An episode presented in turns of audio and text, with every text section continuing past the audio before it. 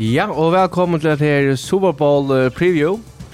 Og ja, vi er spenter, og her blir jeg lukta av mæte til jeg vil ikke si tradisjonen trå, så har vi finnet jo også at uh, ja, prøve å smakka til, og okkur som okkur bjøvar, takk har vi det nær inn 17 i sendingene.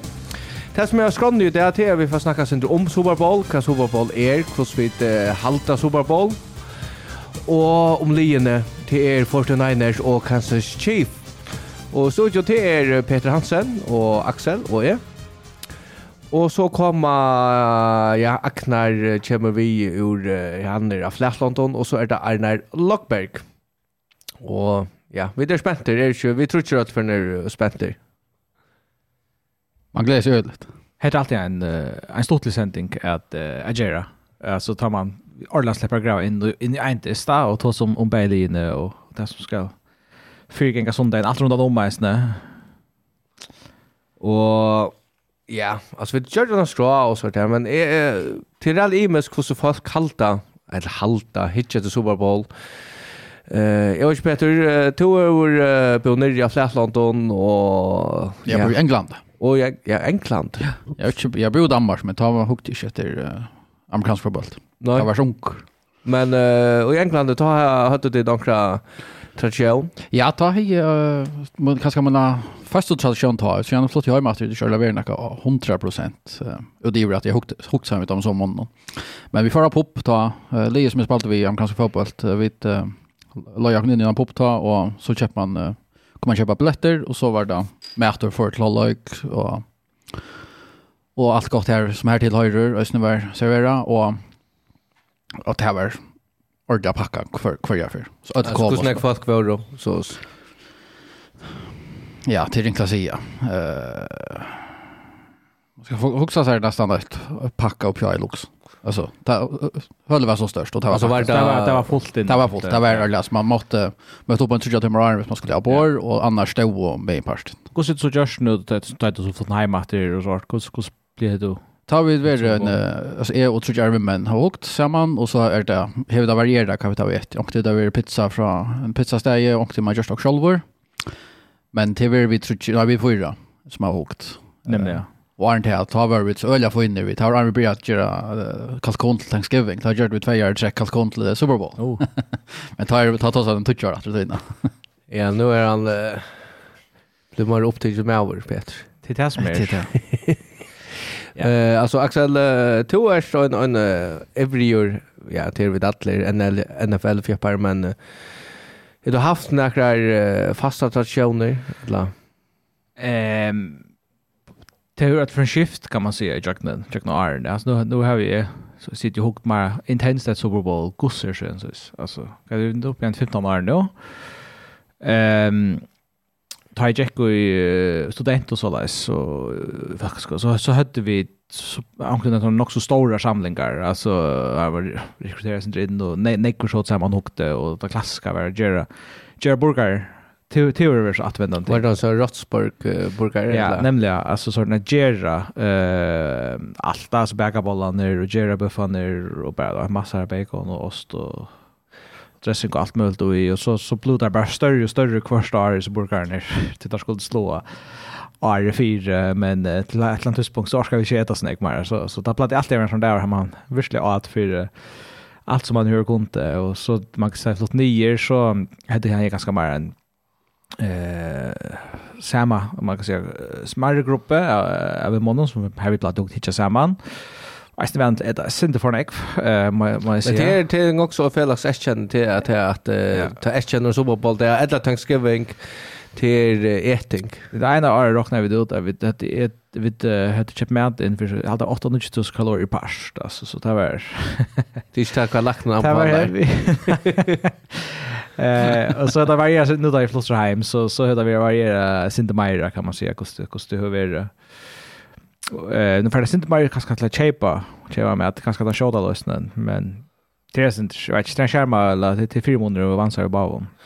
Ja, det kanske också med tojen vi är gärna med så ska man sätta mycket mer toj av eh det där. Alltså det är som som som hitcha från hitcha till vi amerikanska vi med skärn och tar här var ska ta vara så 5 eller sex timmars upptakt. Mm TV2 har nok ikke uh, så lenge opptakt. Jeg har faktisk ikke håpet etter... Altså, man kan godt, hvis man hever, nu, nu har vi etter Game Pass, eller Dassen, eller The Soul. Ja.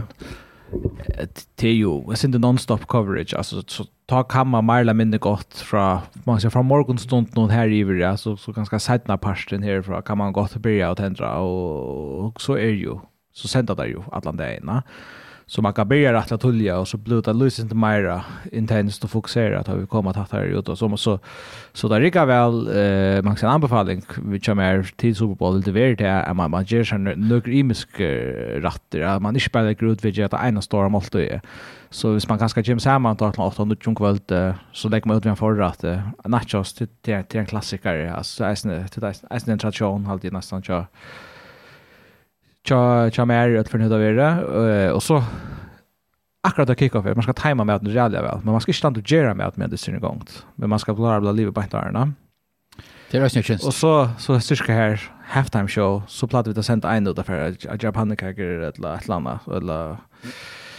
us det. Också då så här nästa ting man kan göra ehm kan det just så att det just hemma då så kalkon.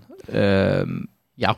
Det var ena för det vi tog simpelthen en kalkon i, eller alla öjne hejer kalkon i uh, frysboxene och tar sin sås. Ska vi spela gärna? Ja, okej. Så blev det alltså en håll, hållgång tradition. Mycket som gjort att fejla tror jag. Jag hade kanske det var så. Man bara hejer kalkon i frysboxen. Jag hade jag fick han i alla gav. Jag hade det var alltså. Jag vet inte hur jag så finner en kalkon istället för en donno. Och jag gav. Men det var nog för att ha och så bara ligga. Men det sista året har vi just knarta tror jag så jag antar gjort men egna hot wings och annars man just uh, matcha pizza och burgare som du skulle säga. Det är egentligen gott att snäger hot wings uh, ja. hemma. Jag kan paus man har en airfryer är det fantastiskt. Hot wings och och det är som man säger till till anbefalla folk att man ska leva på ett iron distance. Jag hade vid out så mitt i second quarter eller så. Fast för göra hot wings är inte alls för kort. To Peter, to her er ikke det to eller eller kona som er en sånn dessertleisen som er at du venter, ja? Åh, ja. Ja, holder kjørgjerne for en sånn eplaterst som ble Og det er vel omtøkt. Uh, American Way eller sånn, hun var, hun var fin. Men annars har vi ikke, uh, jeg har hukt under i muskånd, ta jeg bare førre oppe og førre ta, det var den tvei år var vi i Mettnerhusen og i Foklafir, men jeg har fått for en grad til sammen att hocka där och så har vi ju bowling Larvik och hocka kvaltan där. Så för för nio år eh ta var det mer runt det jag ska säga skipa förhåll. Man tar den också några men som som hade öliga stora AH 4 4 amerikansk fotboll och så var det var inte bara Super Bowl vi tog efter eh eh inte tära säga så så tar man läser så är man jag hucklar det gott hoj eh ankra mannen där hemma till skolan Så man har ju gått hit till att göra med och så så möts vi ofta. Och här i mitten var en var en kockor uh, som uh, det ska ju upp vi ja Rossburger och han uh, ja onion rings och allt möjligt. Så det var uh, ja det är nästan som att uh, ja det var öliga gott. Så jag är redan ekvat hus som för mig Super Bowl där till honen. Ja. Det är redan ek mer tror jag alltså. Jeg vet også om sånne klaksjengar som er torger og øyla nek på sjur. Aknar, jeg halte til er hans her omgangsgressor, ankrat om tar og øyla nek på sjur. Tar blev han tutsi tølma, så samla, så her var fasta tradisjoner, så... Ja, jeg vet ikke, i førjen er det nok ikke så vanligt å samlas ute. Godt nok er, er åtte tiltak kommende ut av skra och i Terda og i Vestmanna. Ja. Uh, så er det fer Faroe Isle Distillery. Faroe Island. Faroe Isles, ja. Faroe Isle Distillery. Men annars så så är er, ett annat och vi tar finche. Ja, så nu, nu fick jag veta akkurat att alltså man alltså att eh och kanske blev planlagt där i i Landskrona och när det har försökt live till det. Men men jag bjöd det till till söndag kväll och och som oftast eller Det enda ikke for klokken, det er ikke liv klokken. Jeg tror jeg har fyra, tøyta stegbanden ned og alt det, ja. Så det är ju inte ordentligt, alltså, det ska ju lucka till ett höll, va? så man ska ha särskilt löjv, så det kanske är snära björnchen er. det tycker jag hon är hej verier kanske hvis det där men hej då för alltså är väl typ man prova att ja alltså är färg ut och samma högt samma flyer folk, det hade jag alltså jag prova jag prova ta en affär att ta akkurat flott ner Arne Orlas så kommer det vägen ut ta ta vara nämligen nu och Hard Rock Café och och hukte av Starshare med Sound faktiskt. Det var Patriots Seahawks som spalte ta öliga godest alltså som det var faktiskt också stort lätt. Uh, men också alltså i förrjon är är alltså vi mötte vi kör vi tärna den här podcasten och vi Jag mötte flera som som är synd kanske jag är i raska men jag är faktiskt i raska av att uh, tar hitcha efter NFL. Eh uh, Och och ta i sig tøy så är vi ju ändå mafffolk som vi möter som har AHA för NFL till. Jag vet om några få konfax som som hitcha men Felix säger att hej har bo eller har relationer till till USA. Tom apropå eh mat till Super Bowl och vi nämnde vid Landskrona Sportsbar så jag finns en en matchskra en Super Bowl matchskra så vi alla kan lucka för a gräva sin dröj på inte alltså så från Landskrona. Ja. Är för oss som uppe.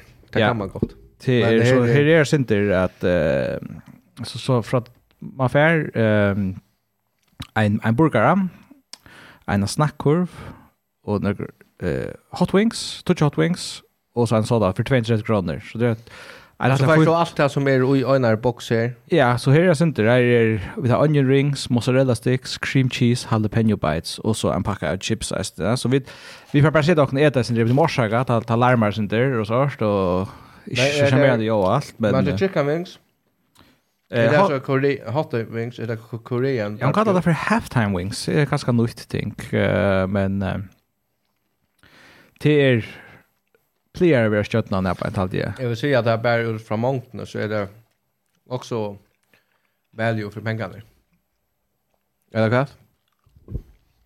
Kallt du, Peter. Du har vunnit fotbollen. Ja, det är inte att jag blev sen frialligt, men... Uh, Jo, det är ölja gott. Jag sitter ju och snackar sin på detta med att titta och prata.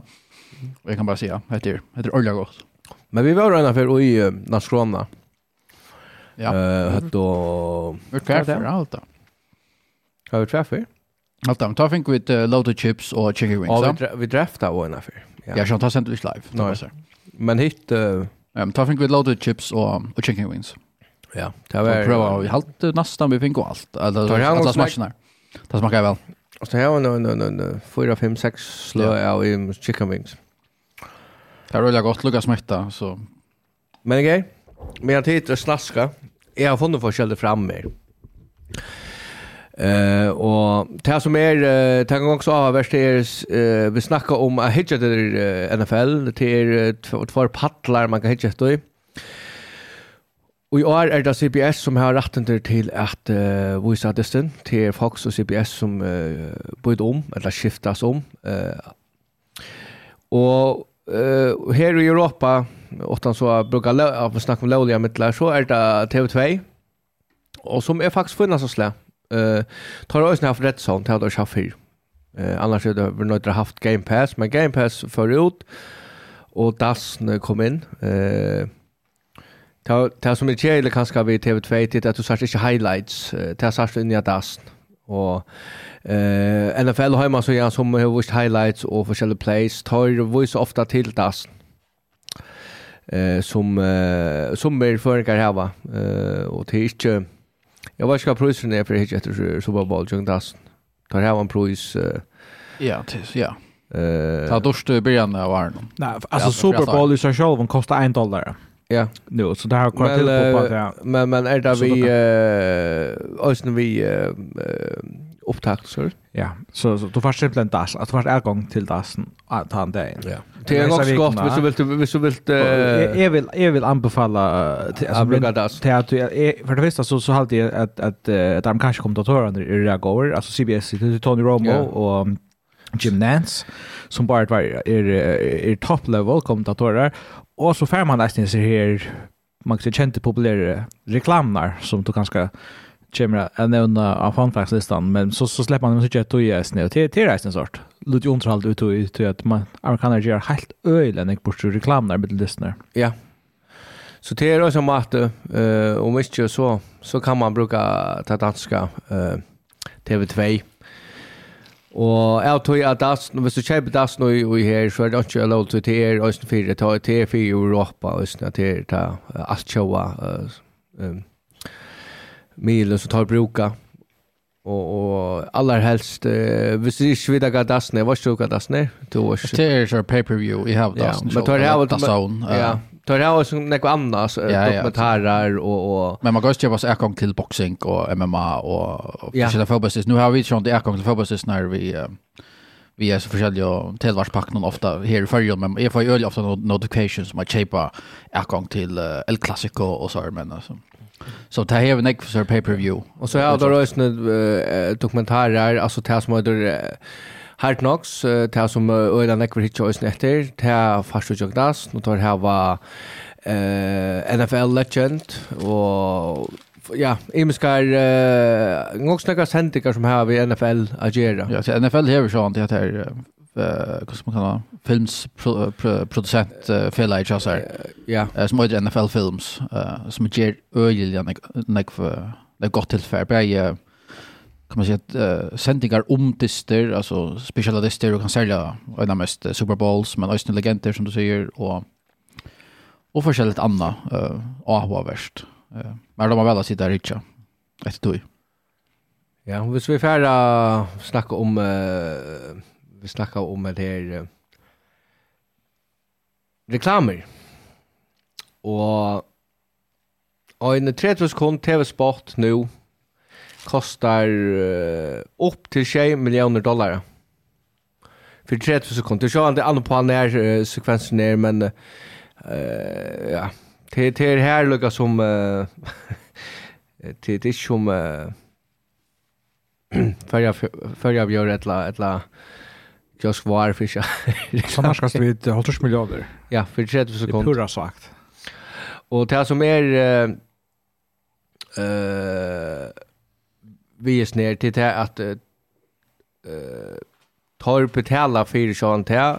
Det kostar uh, tar sig om lag upp till 30 miljoner dollar att framlöja öjna att räkna då vi. Mm Det er säger, och det at, at, at att, skulle upptälla alt det här så skulle det også framlöja det. Og hvis du ser att kostar 30 millioner, så ger det bara cirka 20 miljoner eika kostnad, eller kostnad. Och så ofta så har de känt, eh, som jag säger, kända, kända personligheter som ofta är skådespelare, men som är vi. Ta från mittel 500 till 1 miljon dollar för upptrackan så tar du först att göra upp så så och så så ofta så ankras när köpa morgon och tv-sport. Det ska lugga vi mer så står här vi inte tv-sport. Alltså Budweiser och Jaguar och Irish som har vi tar här morgon och tv-sport. Doritos och för så så har det så har 35 hade det 30 hitcha men mer ett reklam än hitcha till Disney. Det kommer en sånn kulturell prestige ut i at hver vet når Super Bowl så så så ser man alltid best Super Bowl ads, så topp 20 Super Bowl ads, så YouTube och som firma är närmast blivit känd jugnen så Super Bowl reklamer alltså som som ger den i bursar här på. Och så tar tar tar här var snitt här vi att att tor rakera ting. Alltså amerikaner har andra kvet här att tor och så det hitchat det Super Bowl så här då förskälligt vi är rankera eh så hitchat det ja till nästa som här då så cheat sheet eller så där. Du kan du crossa out. Och så jogging this den kan hända och så där. Men eh Hade nog stått lite. Hade det synd längt, men det har stått lite. Kyle Shannon hevur uh, nøgjan år, så gjerne, så hei uh, Kyle Shannon akkurat uh, uh, enda na første sesong som uh, en assistant coach ved Tampa Bay. Eh, til året ta vann Papiansara, Mike Shannon eh, Super Bowl i 1958 som head coach av Denver Broncos kan känna en uh, visst kan känna en vinnor så är det tar tar första färger och såner som vinnarna så Bowl som head coach. Det är så fun fact. Eh uh, det står det där Pape Christian McCaffrey ett var vidare så var och i Bavon as när Super Bowl så kan känna man vi Broncos. Och för jag ska upp så så vann Ed McCaffrey Øysene og ring til San Francisco vunnet hos i 4 av 5. Og ta av Mike Shannon offensive coordinator for Niners. Så det er uh, en uh, McCaffrey kommer ikke og Shannon til å komme fra større familien. Titta sammen man ser i uh, øren familien, Manning og man kan få en gång snack, en gång snack för syner som som har stora succé, stora familjer. Vi har snackat om det.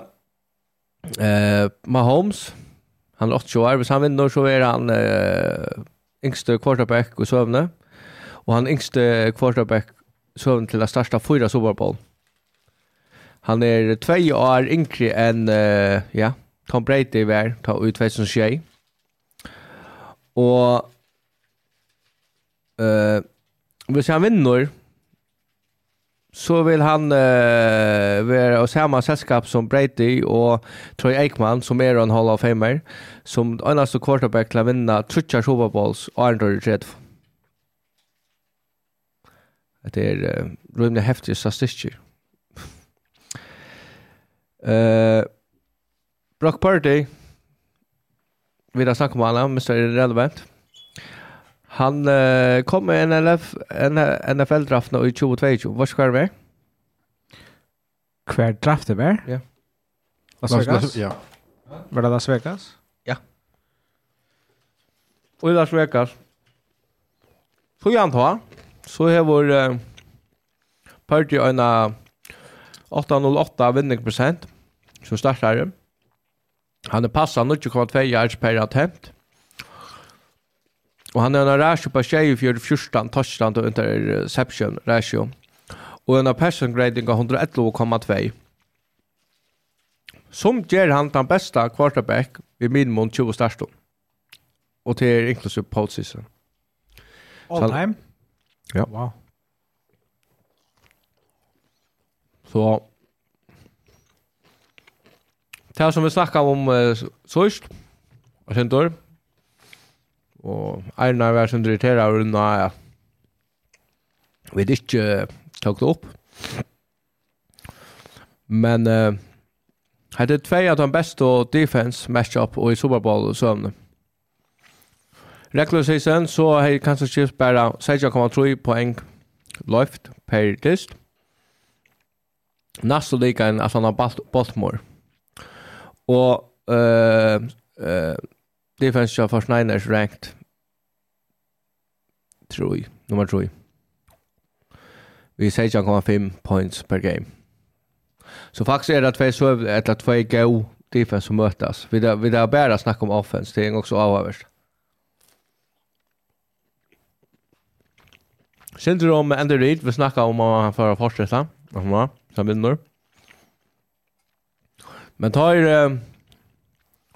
tar sätta han som head coach kända januari 2013 Så gjør han ta, i vid ett lov kappingar her.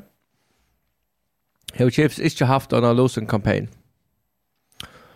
Og ikke anna NFL i hever en aktiva strik av vinningsvis så langer enn fem i løtten. Uh, Øyla godt. Annars var han sjálfur hin. Uh, Tomlin. Ja, han så vi haft 88 eller mm. där så haft 500, men han bara inte haft en losing record långt än det. Ja. Eh Aisha Pacaro. Han um, han för att vara den första running back så han uh, Tony Dorsett och i 28 till att starta och i Super Bowl och han sa först då två NFL Kappengar. Som är rymliga svagt. Det är näkver vi snackar då som det näkver spelare som spelar alltså Louis i Pro Bowl där Florida för och onkan är i en Super Bowl. Men här var kanske väl för chatta komma Super Bowl. Eh Då säger jag som är heter Spera Ein, Kjelta som säger här att uh, legend till uh, till Sio i Super Bowl är utjakt mittna av vettlom. Uh, og Kansas uh, Travis Kelsey, han er det tight end som har haft 353 receiving yards. Uh, medan San Francisco, Fred Warner, bara løyvde 31,9 passing grade. Og til tar seg det, altså til å si at uh, eh att um, that the nearest defend alltså passer grade as the nearest defender the coverage this season. Tar sig att det är eh eh en av de bästa synoplatser som ska täcka om det Travis Kelsey Renroy. Jag kan det det är faktiskt att det slått att länka. Det är det. Eh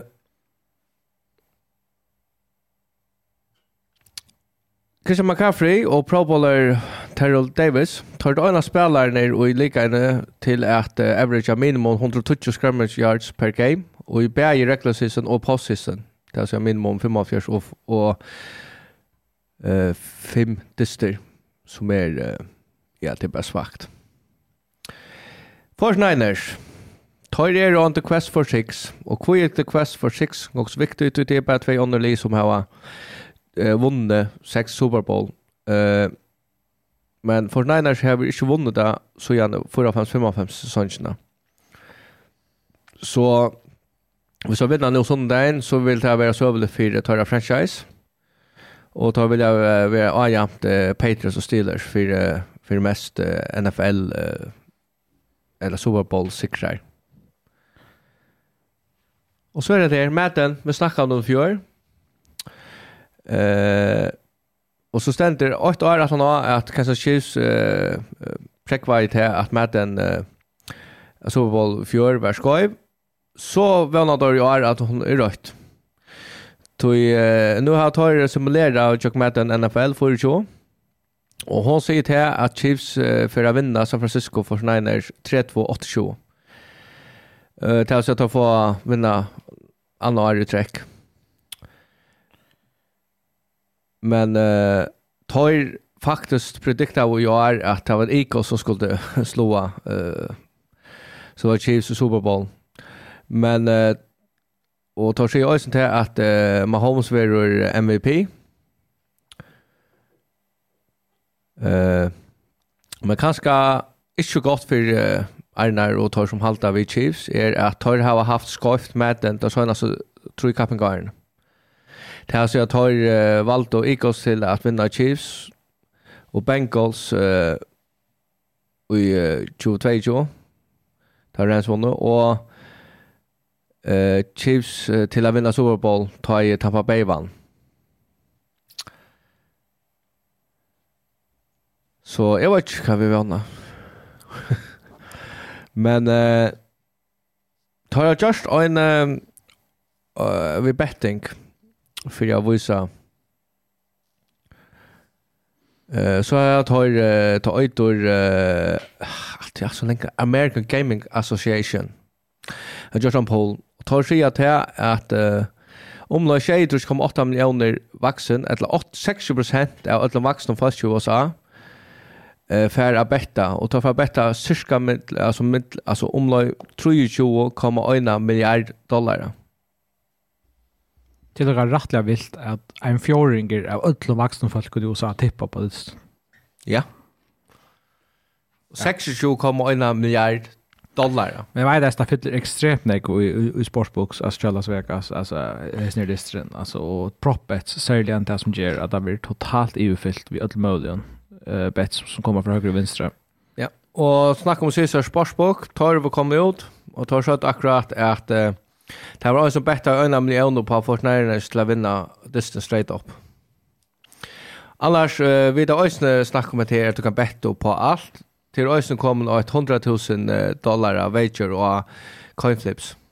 Og han skal landa tails. yes. Du betta 200 000 på... Ta hjemme problem hvis man tippar på coinflip. Men det kan inte. Jag jag får inte chimera till farvan av Gatorade som som chimmer av enjärn. Kaffe man kan tippa på kaffe farva där. Men men du säger ju akkurat att vi tar skulle affär till Las Vegas och bara ja, det där. Kosta allt är rätt. Inte rikar. Ja, ja.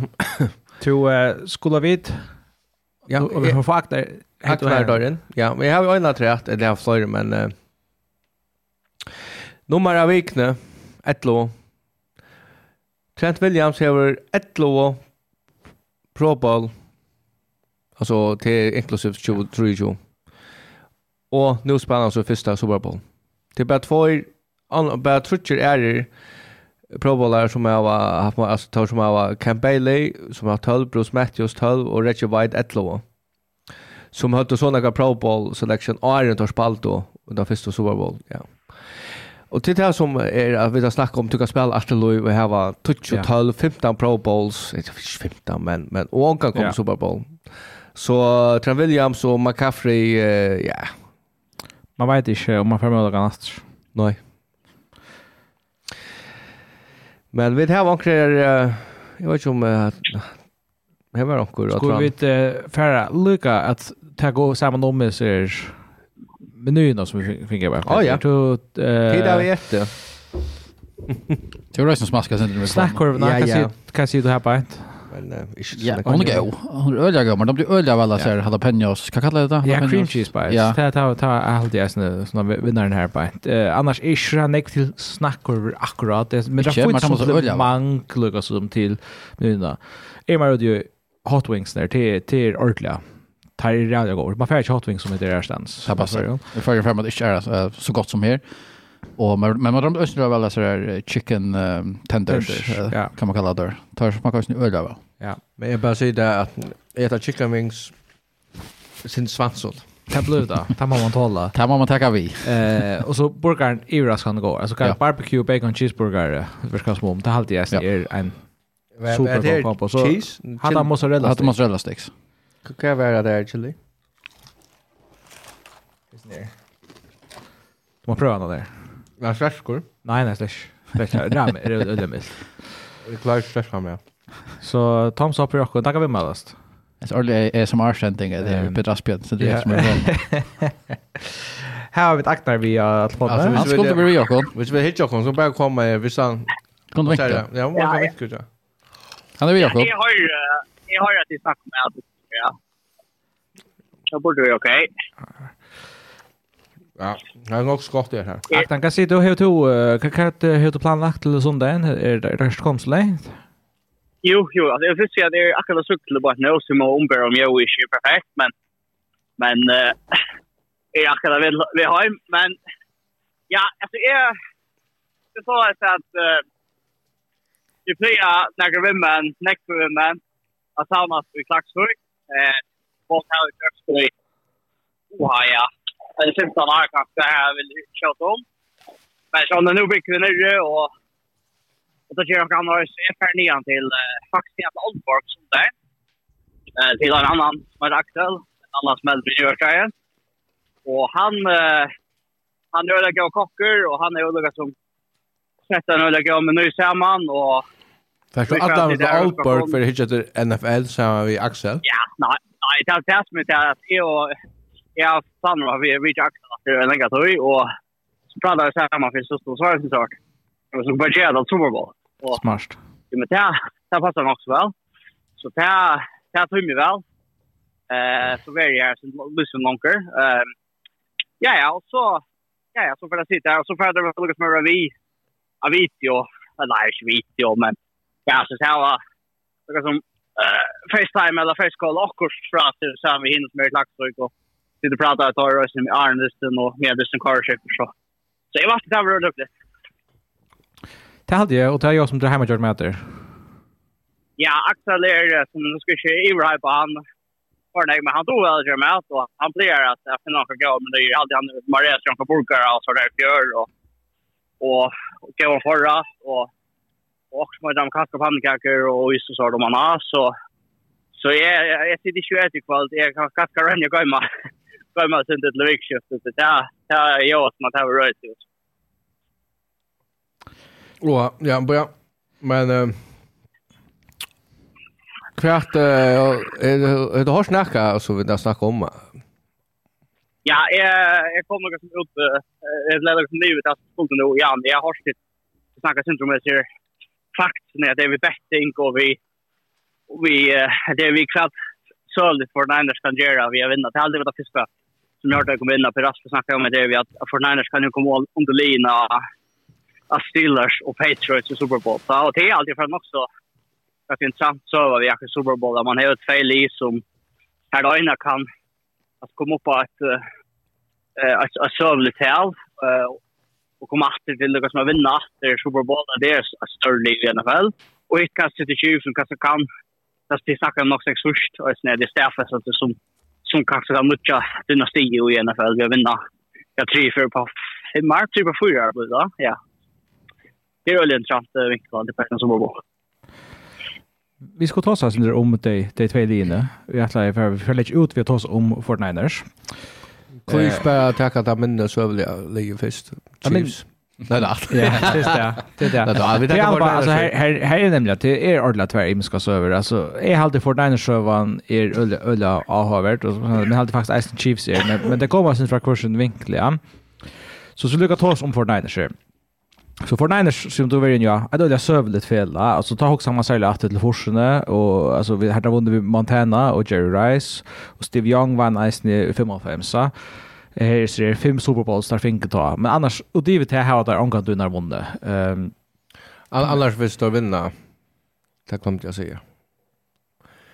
Tar vi era faktiskt första ligan i NFC som vinner sex. Ja ja. Det passar. Jo, men ja. i 2016 så så det har i Kyle Shanahan han han övertog uh, li att han är offensive coordinator i Falcons. Så.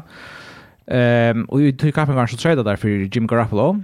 Ehm och som att jag inte någon som som så som så börjar ju men som nu kan det helt go år det här där har stora succé i nummer 1 i NFC kom Super Bowl i mot nämligen Chiefs och är framför vi touchade i under fjärde kvartalet. Så ta för fyra år sedan, världen nämnde, ta, ta var där om repjabbat. Men, men ta ända så vi att täpa tandist Och täva med ett annat, man kan säga manglande pres, prestation från, från Jimmy G som, som, som gör det också illt. Och, av 49ers fans ta och, och, och tar man så är efter hever nog så vanligt år i Champions playoffs så får 49ers ta är satt sig mega störst upp på quarterback positionen. Tror det följt där måste uppgradera här, ja eh, tar trade alltså två first round picks för att komma upp till att hacka Trey Lance third overall i draften någon i eh, i 2020. Du måste förklara kostnaden. Det kostar bara trade upp till Ja, yeah, alltså som man kan se, man har ju ett första väl kvarst år, ja, men så, så tar gå egentligen tre första runda väl, för möjligheten någon att häka Trey Lance, alltså som faktiskt är en öjlig, öjlig huvudpriser som tar tag för, för att tar tar gå såna framåt i veckan tror jag är för att att attacka eh Trey Lance på inte. Men så sta första året ta ta här han är rookie ta spelar uh, Jimmy G startar som startare och spelar faktiskt rätt väl och där kommer alla vägen kom, fram till Conference Championship och tappa men man har helt stadigt det att ta, ta manglar sig inte quarterback positionen. Och då skiftar man till 22 över till Trey Lance. Och han tog ju nu. Trey Lance bröt så beinene, han är en triadist som startar. Og eh, så Jimmy G tar över efter, men han blir så skattad i week 13. Och det tar Brock, Pur Brock Purdy kom in av banan. Och så där kvar er Brock Purdy. Alltså så det är ganska... Eh, men det så kvar spalt med. Eh, Dolphins. Och spalt nästa det står en ordentlig östlaplagen. Nej, att var i halva Green Bay. Jo, men Brock Purdy var det som man kallar för Mr. Irrelevant draft. Alltså han hette han första spelare, men han var det sista draft pitcher. Alltså så man har tjej runt där och man vill en 200 och spelare eller härom. Och, och han var han det växande nu. Ja. Tar tar jag säger. Han var det sista väl och i öllon draften och och tar man er till så är man kan säga att Mia prognosa för en sån spelare kan ska ta att du har så många spelare två tre år så stod det efter alltså eller du kanske inte en gång kommer in och eh uh, rostaren Chalino alltså så som quarterback så är det nästan alla quarterbacks som är går igen efter i första rundan väl. Och själv första rundan quarterbacks där det här var det är ganska bara hälften av dem som klarar sig någorlunda i NFL. Det är öliga fire som är tecknar att han var första rundan som jag går så kände runt det till till och i bästa för backups uh, i några år men uh, Tajik så var British uh, satta runt väl Satta runt väl och tar nummer 100 och ett annat. 125 salt. Ja. Det här är alltid okrut. Eh, men uh, man kan säga Brock Purdy hej faktiskt en rättliga goa college karriär, men det som man har hukt i scouting rapporterna är det man sätter spåren det vi physician journal och mentaliteten eh tror man liksom hej där som skulle till för att spela i, NFL men, men det gick inte öle väl till honom i, i Iowa State här på den spelaren rätt ringa konferens och så han startar i fyra år nämligen Och det är inte är en quarterback som startar ut fyra år i college. Ofta han så startar där två år och så färdar vi är uh, att han tre år. Men eh ta Jack Ölevel faktiskt så vunnit där alla lyssnar han startade till år. Lugga inte där komma i Conference Championship og han var så skatter halt av första driven on this um, Ehm och så så gikk det liksom ikke langt her i måte mot Eagles som så vinner fjør och men så värst det spårar inte vi han blev han fick också allvarlig en ski han slet lipan till alpån eh skulle operera står ute i flera månader Eh men det som så är det till något steg i vad mal Iron Ark för är quarterbacken för Niners framöver.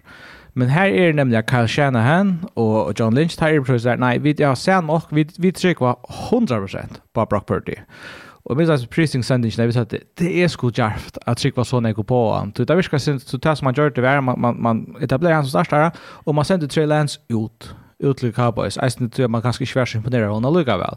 Så man bränt jag lösen till Tabrunna kan man säga för att att alltså eh uh, ja, och var all in på han och det häver i den grad betalt sig. Alltså ett år han haft i år har vi helt helt öliga gott. Alltså jag säger att en MVP luktande säsong kan ha haft vi 4200 yards kasta, en tre touchdowns, ett interceptions. Han har han har gjort det öl öliga gott och det är till det som är halt det är alltså och det är väl här man kan se Dynasty sövlinjerna till Chiefs så är det en underdog servan vi Brock Purdy alltså vi tar som da. American Underdog 2. Jag heter Sinter Kurt Warner slash Tom Brady. Tom Brady kom mest in på samme måte.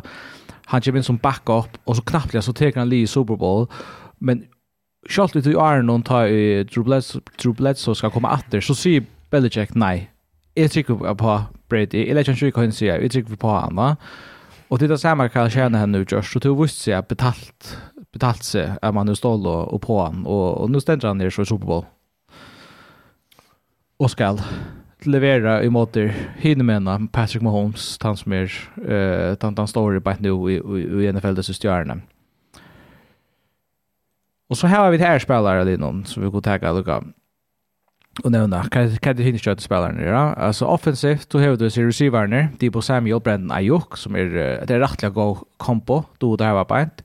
George Kittle det tight end där. Något mittel där bästa tight ends i NFL senaste åren. Och så då nämnde Christian McCaffrey. Kanske vi kallar han för den bästa running backen det sist så han blev draftad vi hade Sage Channel och så han blev draftad va.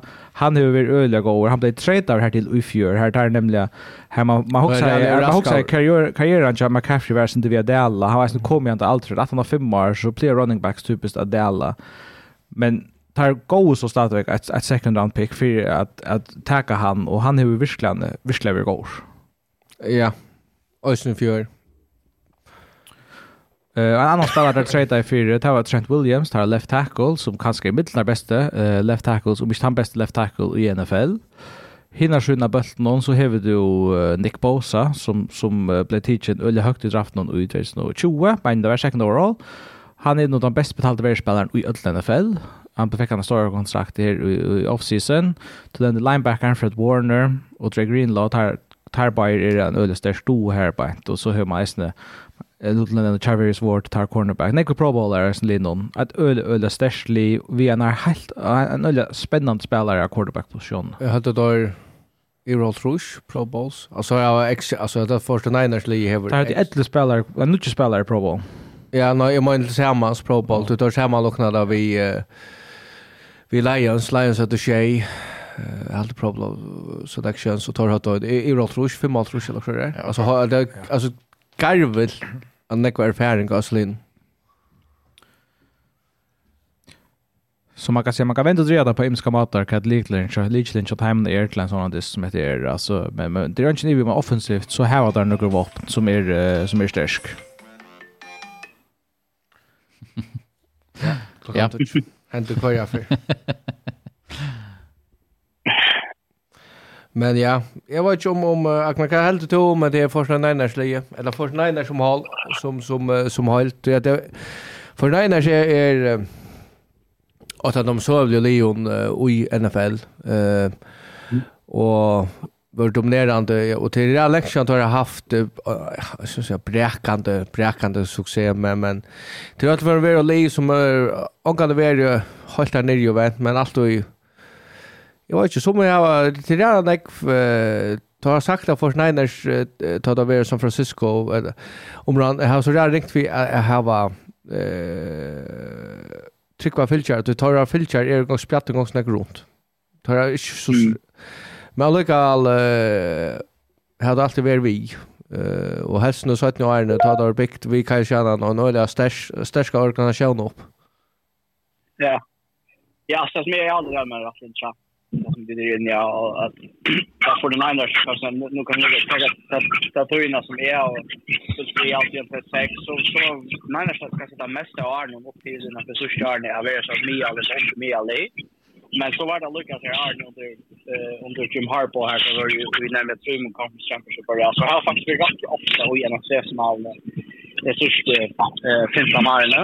och men det lukar som lukkes så av de siste personene. Uh, Tater av Jorda gå. Det är ju onkel John Hayes som lukkes fra kappa tar av det. så I Super Bowl så, så var det en att det li, men, men har nära kom Super Bowl i dag.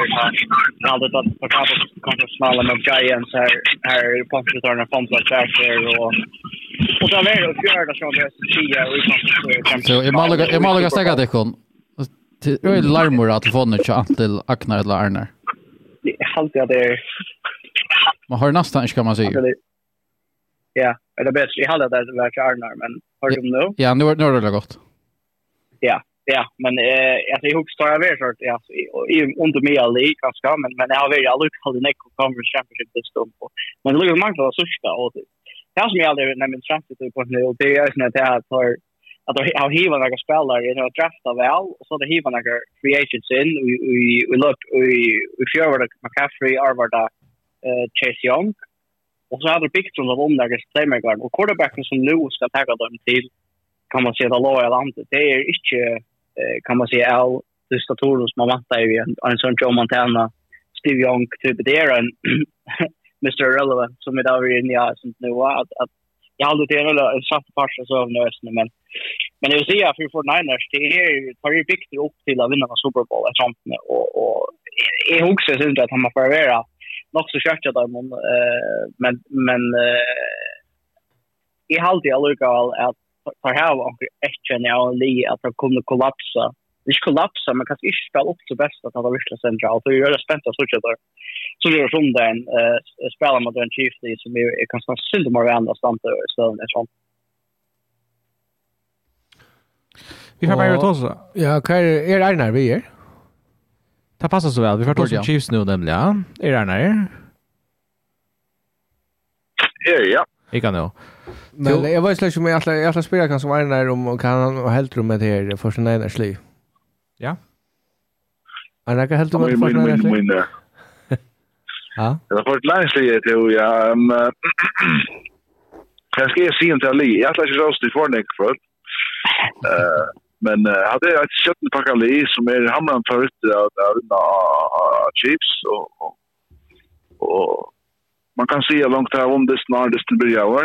Det finns ju finns ju näck och var för bekymmer att uh, slå Mahomes och sån och vi ändå bättre han när det gör det. Se till det att Atlanta. Ja, jag vet inte. Ska vi se så här jag kan inte så när jag kan så shift.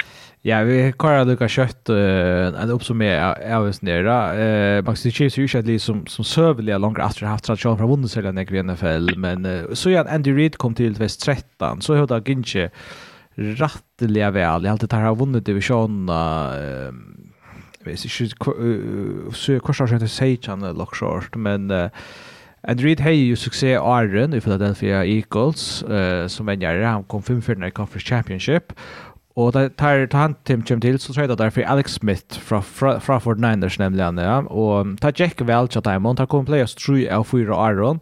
Og i 2016, da var det med den 12 og 4, men um, man er stadigvæk ikke ordentlig helt nøkter ved quarterback-prestasjonene, og i det sejtjen så treter man, eh, man kan si, et first round pick for å komme opp og tagge Patrick Mahomes nummer 2.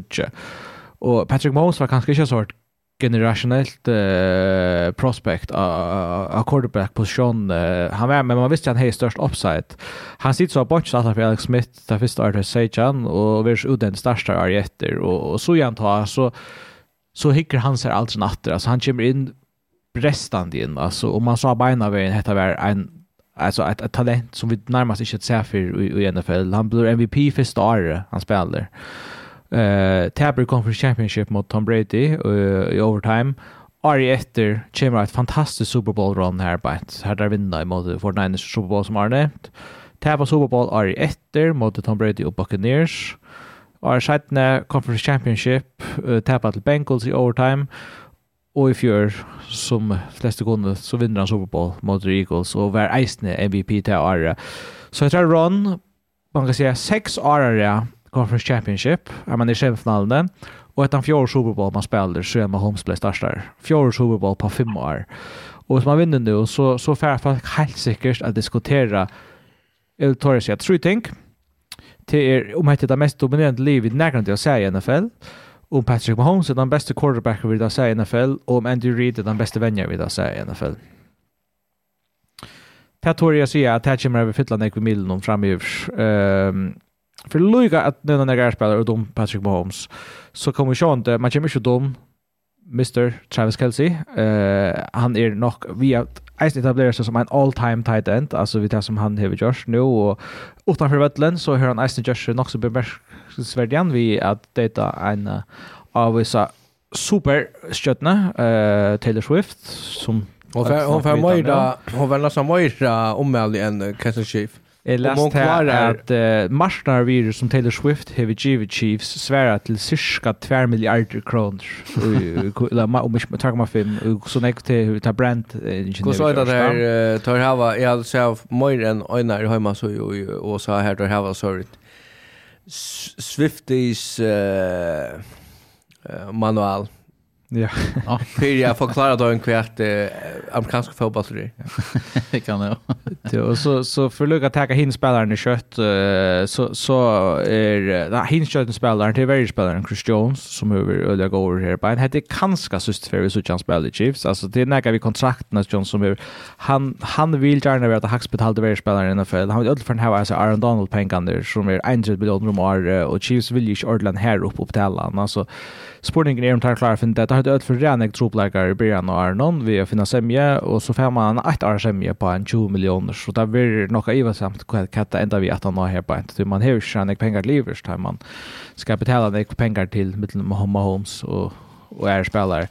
Eh, og tvær ødel undervurderer spillere til innom til til at Chiefs har nok det beste cornerback du i NFL, Legere Sneed og Trent McDuffie, uh, unge spillere som er helt øyelig gård. Så det er det. Jeg vet ikke hva du sier, Arnar. Du kan slippe at jeg lette ut her. Robby, er for ja. Hva er tøyne? Hvordan sørst du på at det er kjiftelig at nå i år, og bare at det synes du årene? Han var røs og snyd. Det der gjør vi ikke sørst. Ja, lykke til å stemme enda meg i hvert her, vi vil kjente Kristiansa. Det er som spiller seg inn det. Hvis det er vinna som det, er vinna i møte for Niners. Så det var om tveier, ja. Ja jeg kan låda fyra at ta fra läkarna i rommet och tossa. Vi kunne gjøre det som Onjan har gjort. Vi kunne vinna tror jag det. Og ta kunne penger ved penger, så å si. Det er liksom min tanke gang gå in i det, va? Kjell och Christian, så att Nei, nei, nu ser nu ser bara hur så där hur så där män i rummet också. Vi kommer vi kunne vi kommer att det. Vi kunne gjøre det. Ja, men helt tar för att Christian och Det här Holmes och Kelsey har gjort. Ja, alltså alltså för för för att det här med Holmes och Kelsey gjort det. Alltså Mahomes fair minne han det vart det. Ja, men Mahomes fair minne nu Men sötni att du han till som yeah. han för ny. Men han, han är stadväck, han är stadig underbetalt. Och det vet han väl själv. Och Kelsey är en av mest underbetalt spelaren i NFL. Men det är nämligen att Tyreek Hill vill det inte tacka mot mindre pengar. Och det tror man trade han väck. Det tror att man fann inte sämje vid han. Man kunde inte ta en discount. Och så spårningen kan man finna till han sämjen Chris Jones. Ja, jag kan. Men det är allt det här som de vinner som det är. show shower. Den gott för Chris Jones för grytig deal för till Chargers för några pengar så det är nog Chargers så kan ju men men men ju ju där Ari Ari är öra syngande. Eh är uppmuntran vi Nick Wright på TikTok Nick var Nick var vi kan göra. Jag kan ju det är det med ynglings där analytiker. Ja. Det är chill så det är så mycket att såna gotingar så. Och det var syngande men av underperforma och är att söka fram och men det som är huvudvärre grunnleggjande det som hever hilti løyve, som løyve i avskaren og jeg og løyve og linen høver, det veldig igjen. Det er godt for at man har om å steppe opp nå og og, og, og playa fra den her og så videre offens, det har ikke fungeret så vel at bare. Det er verjan som hever ordentlig karakter, og hvordan jeg har lyst til å ha spalt i år og ikke slå meg enn så som jeg sier, jeg har ikke akkurat høyden bare nå, det er ganske her. Men det er helt, helt utrolig at veiene fungerer vi, vi, vi, vi, vi spørsmålet og sess noen uh, og er nok vi at her kommer eisen vera mulig at den agent i ui soppål finalene nu som där. Vi ser väldigt inte Chiefs där att stand upp mot offense och Fort Niners så rockar vi att att ha vinner det. Annars säger Arlen men det har faktiskt röst på om väljer väljer någon till att det är Det Super Bowl här till tvärt av mittel tvärt av bäst och värre när i ja och i NFL som mötas alltså Chiefs har hej loved Sajan komma tror per dist som och näst bästa defense. Men jag för Niners har tre bästa defense för Sajan kom fem så det är faktiskt två öliga go defense som möter Cornell. Ja, och så minns det att det är akkurat spalt mot det bästa defensen, va? Ja, men uh, det var det var det offensiva som som inte Fyllt vi helter. Nej, men vi där var tossen hade som med att fasta på sin drive och köpa det. Nye Voltman. Men det var. Jag hade det är var spännande och men jag hade jag känns faktiskt X-faktorn är just det är väldigt jämnt. Så det är inte bäst med Holmes det bra för till den här.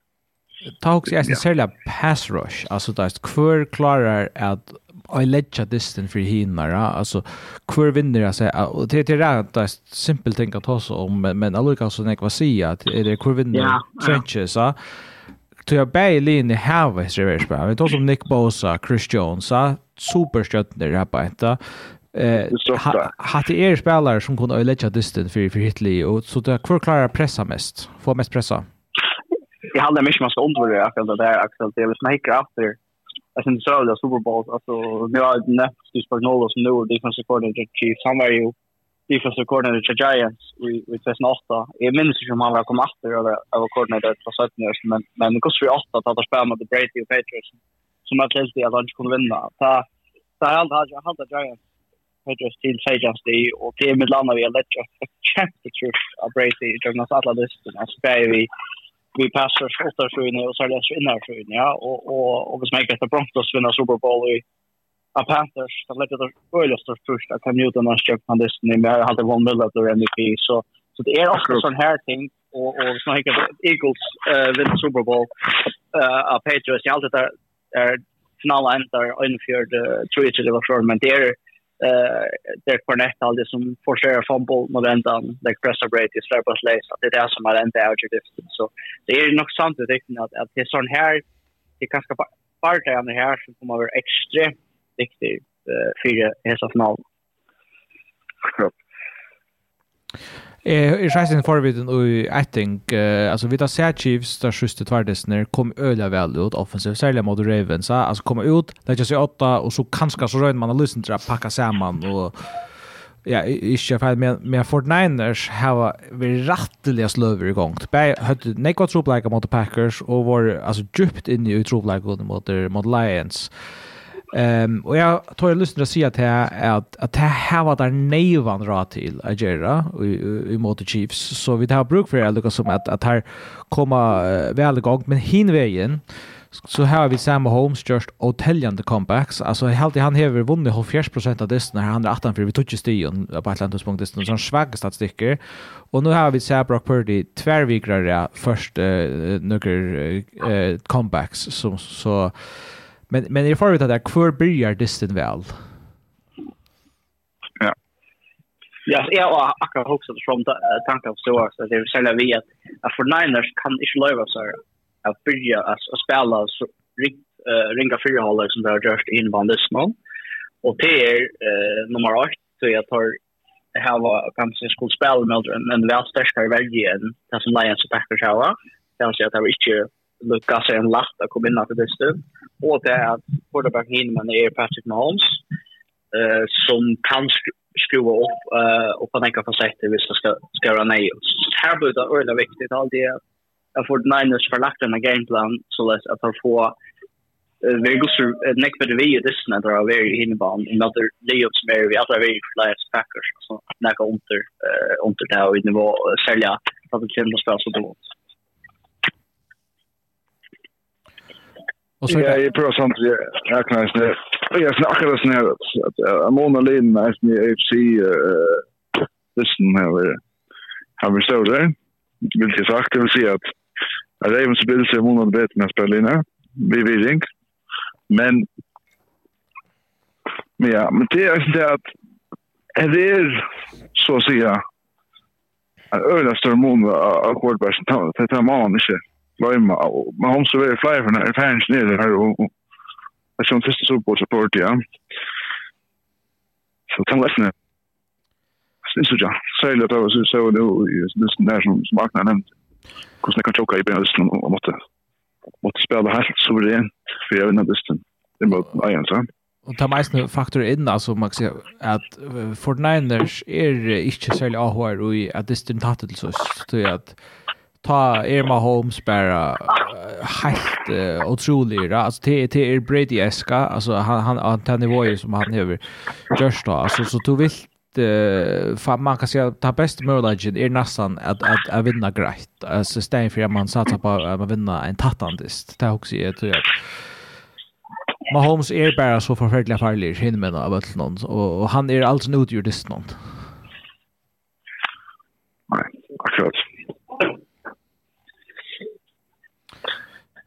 Men det är spännande på vad Mahomes vill sucha. Alltså kommer han ut och vet då det är typiskt i Super Bowl så så är det är ofta Lloyd synd så är följer han eller så där står man jag syns så alltså syns bättre på om tar kommer ut på samma måte som där Dirty mot Ravens och och och av från början där om om Mahomes kommer ut och kastar bollen neck eller om där fram sitter man här rändarna center och Dröna kanske att är man ska fejla för inte geva för neck över till till 49ers. Ja, ja, ja det är, han, han har ju antal för finnar och sina karriärer och han har målat lyssna. Och ta han kvar för bilda det stund. runt. Så, så säkert är det.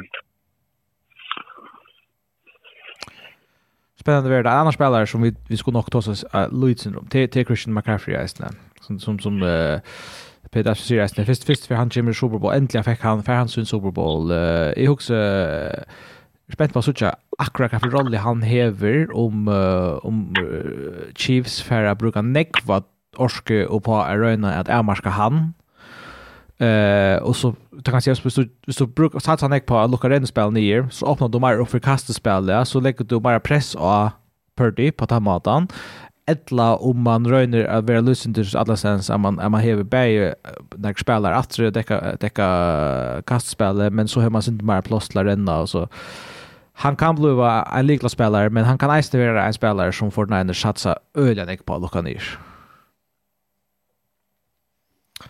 Ja, det var helt ärligt att säga läsa också om och hörs andra om Super Bowl. Hva sier du, Axel? Hva vant du om McCaffrey uh, som den? Han var sørst av det stod jeg i uh, conference, var han, uh, altså han var on fire, var han. Jeg halte han trakk, så det er som er Øysen til Dr. Chiefs, det är som spelare som vil, det er som Kelsey, han vil til det sånn, altså, all playen er bare, jeg skal bare vinna, jeg skal bare være on. McCaffrey hever at han drive, det er kanskje at han, kanskje omgang det vant til at han får standa i støvne, og kom ganske til Lee som uh, vi da snakket om Trey Lance, vi da snakket om Jimmy G, vi da snakket om hvordan enda var det en sovas om til at uh, Brady skulle være stand-in 23-20 til, uh, til uh, 49ers, og han, Kyla Shannon var faktisk ute nå fyra dagen, da, så synes jeg han og snakka om det. Og faktisk når meg det, at han hukte, han hukte Purdy, han jackar vi en fackle og så hva skal det gjøre, så jeg mangler quarterback.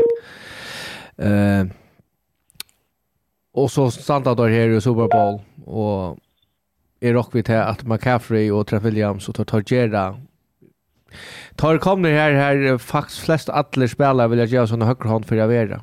Och är rock i att och spela med McCaffrey hans här erfaring så där han alltså så spör det skulle kasta att han kastar en gång snack stort kast så ger bara McCaffrey bollen. Han får alltid yards på run.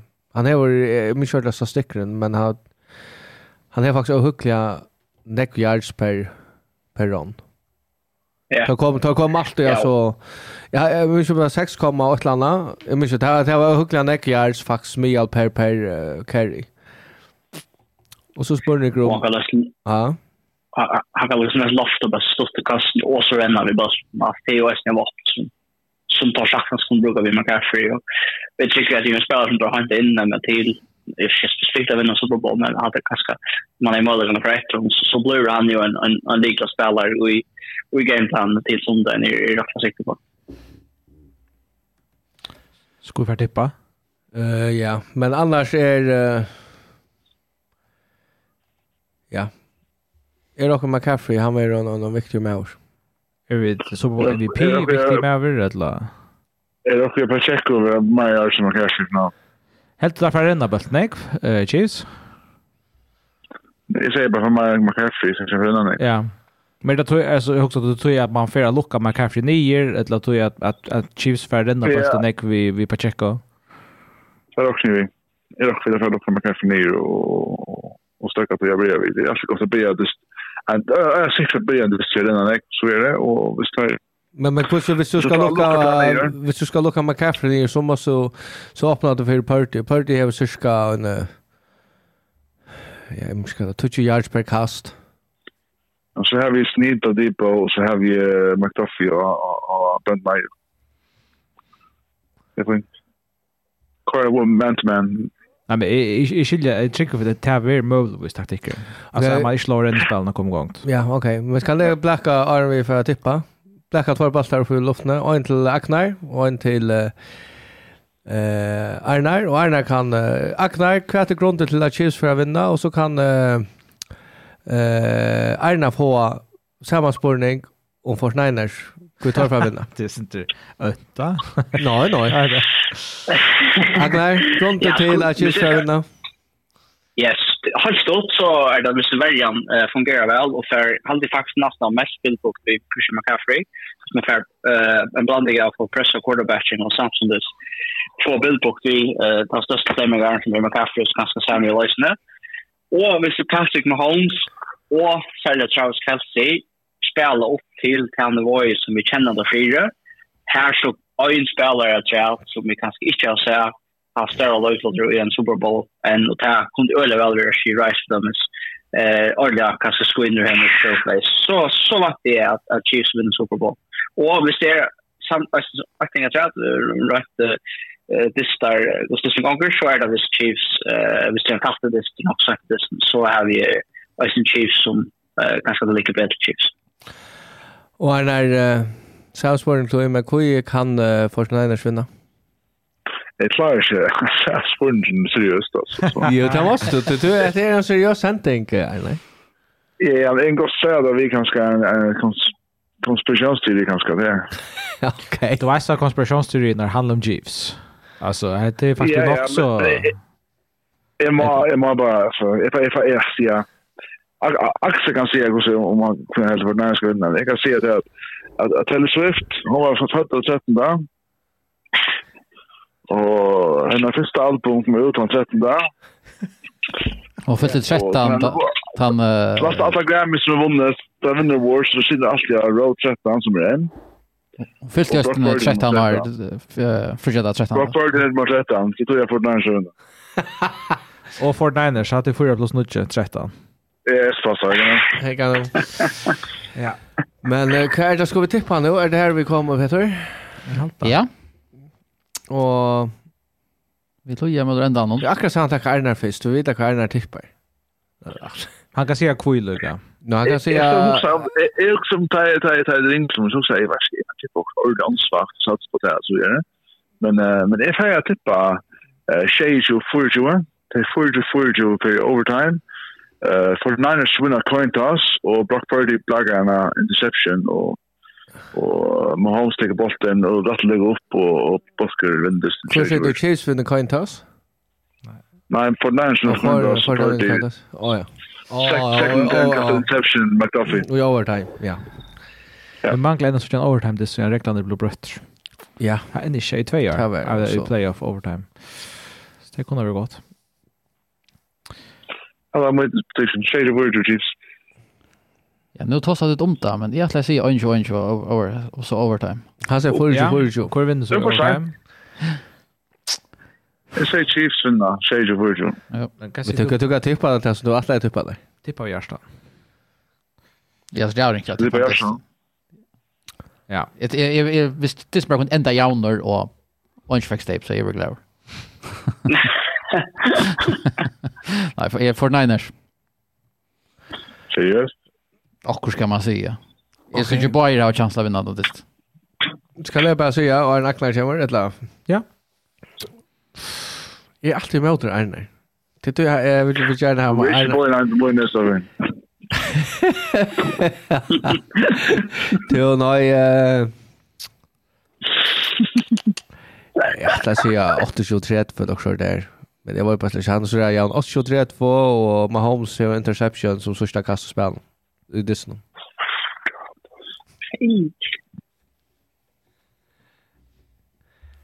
Ja. Ja.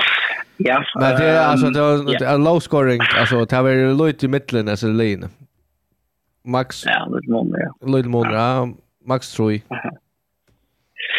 Ja, jag vet inte om jag ska få bra för mötet och för såklart. Det är tappet till på en lister men men alltså jag jag vill säga alltså jag ska typ på en grafiker Och så ska tippa Iron Playoff Player så är en nog tippas för den Niners som vinner Super Bowl.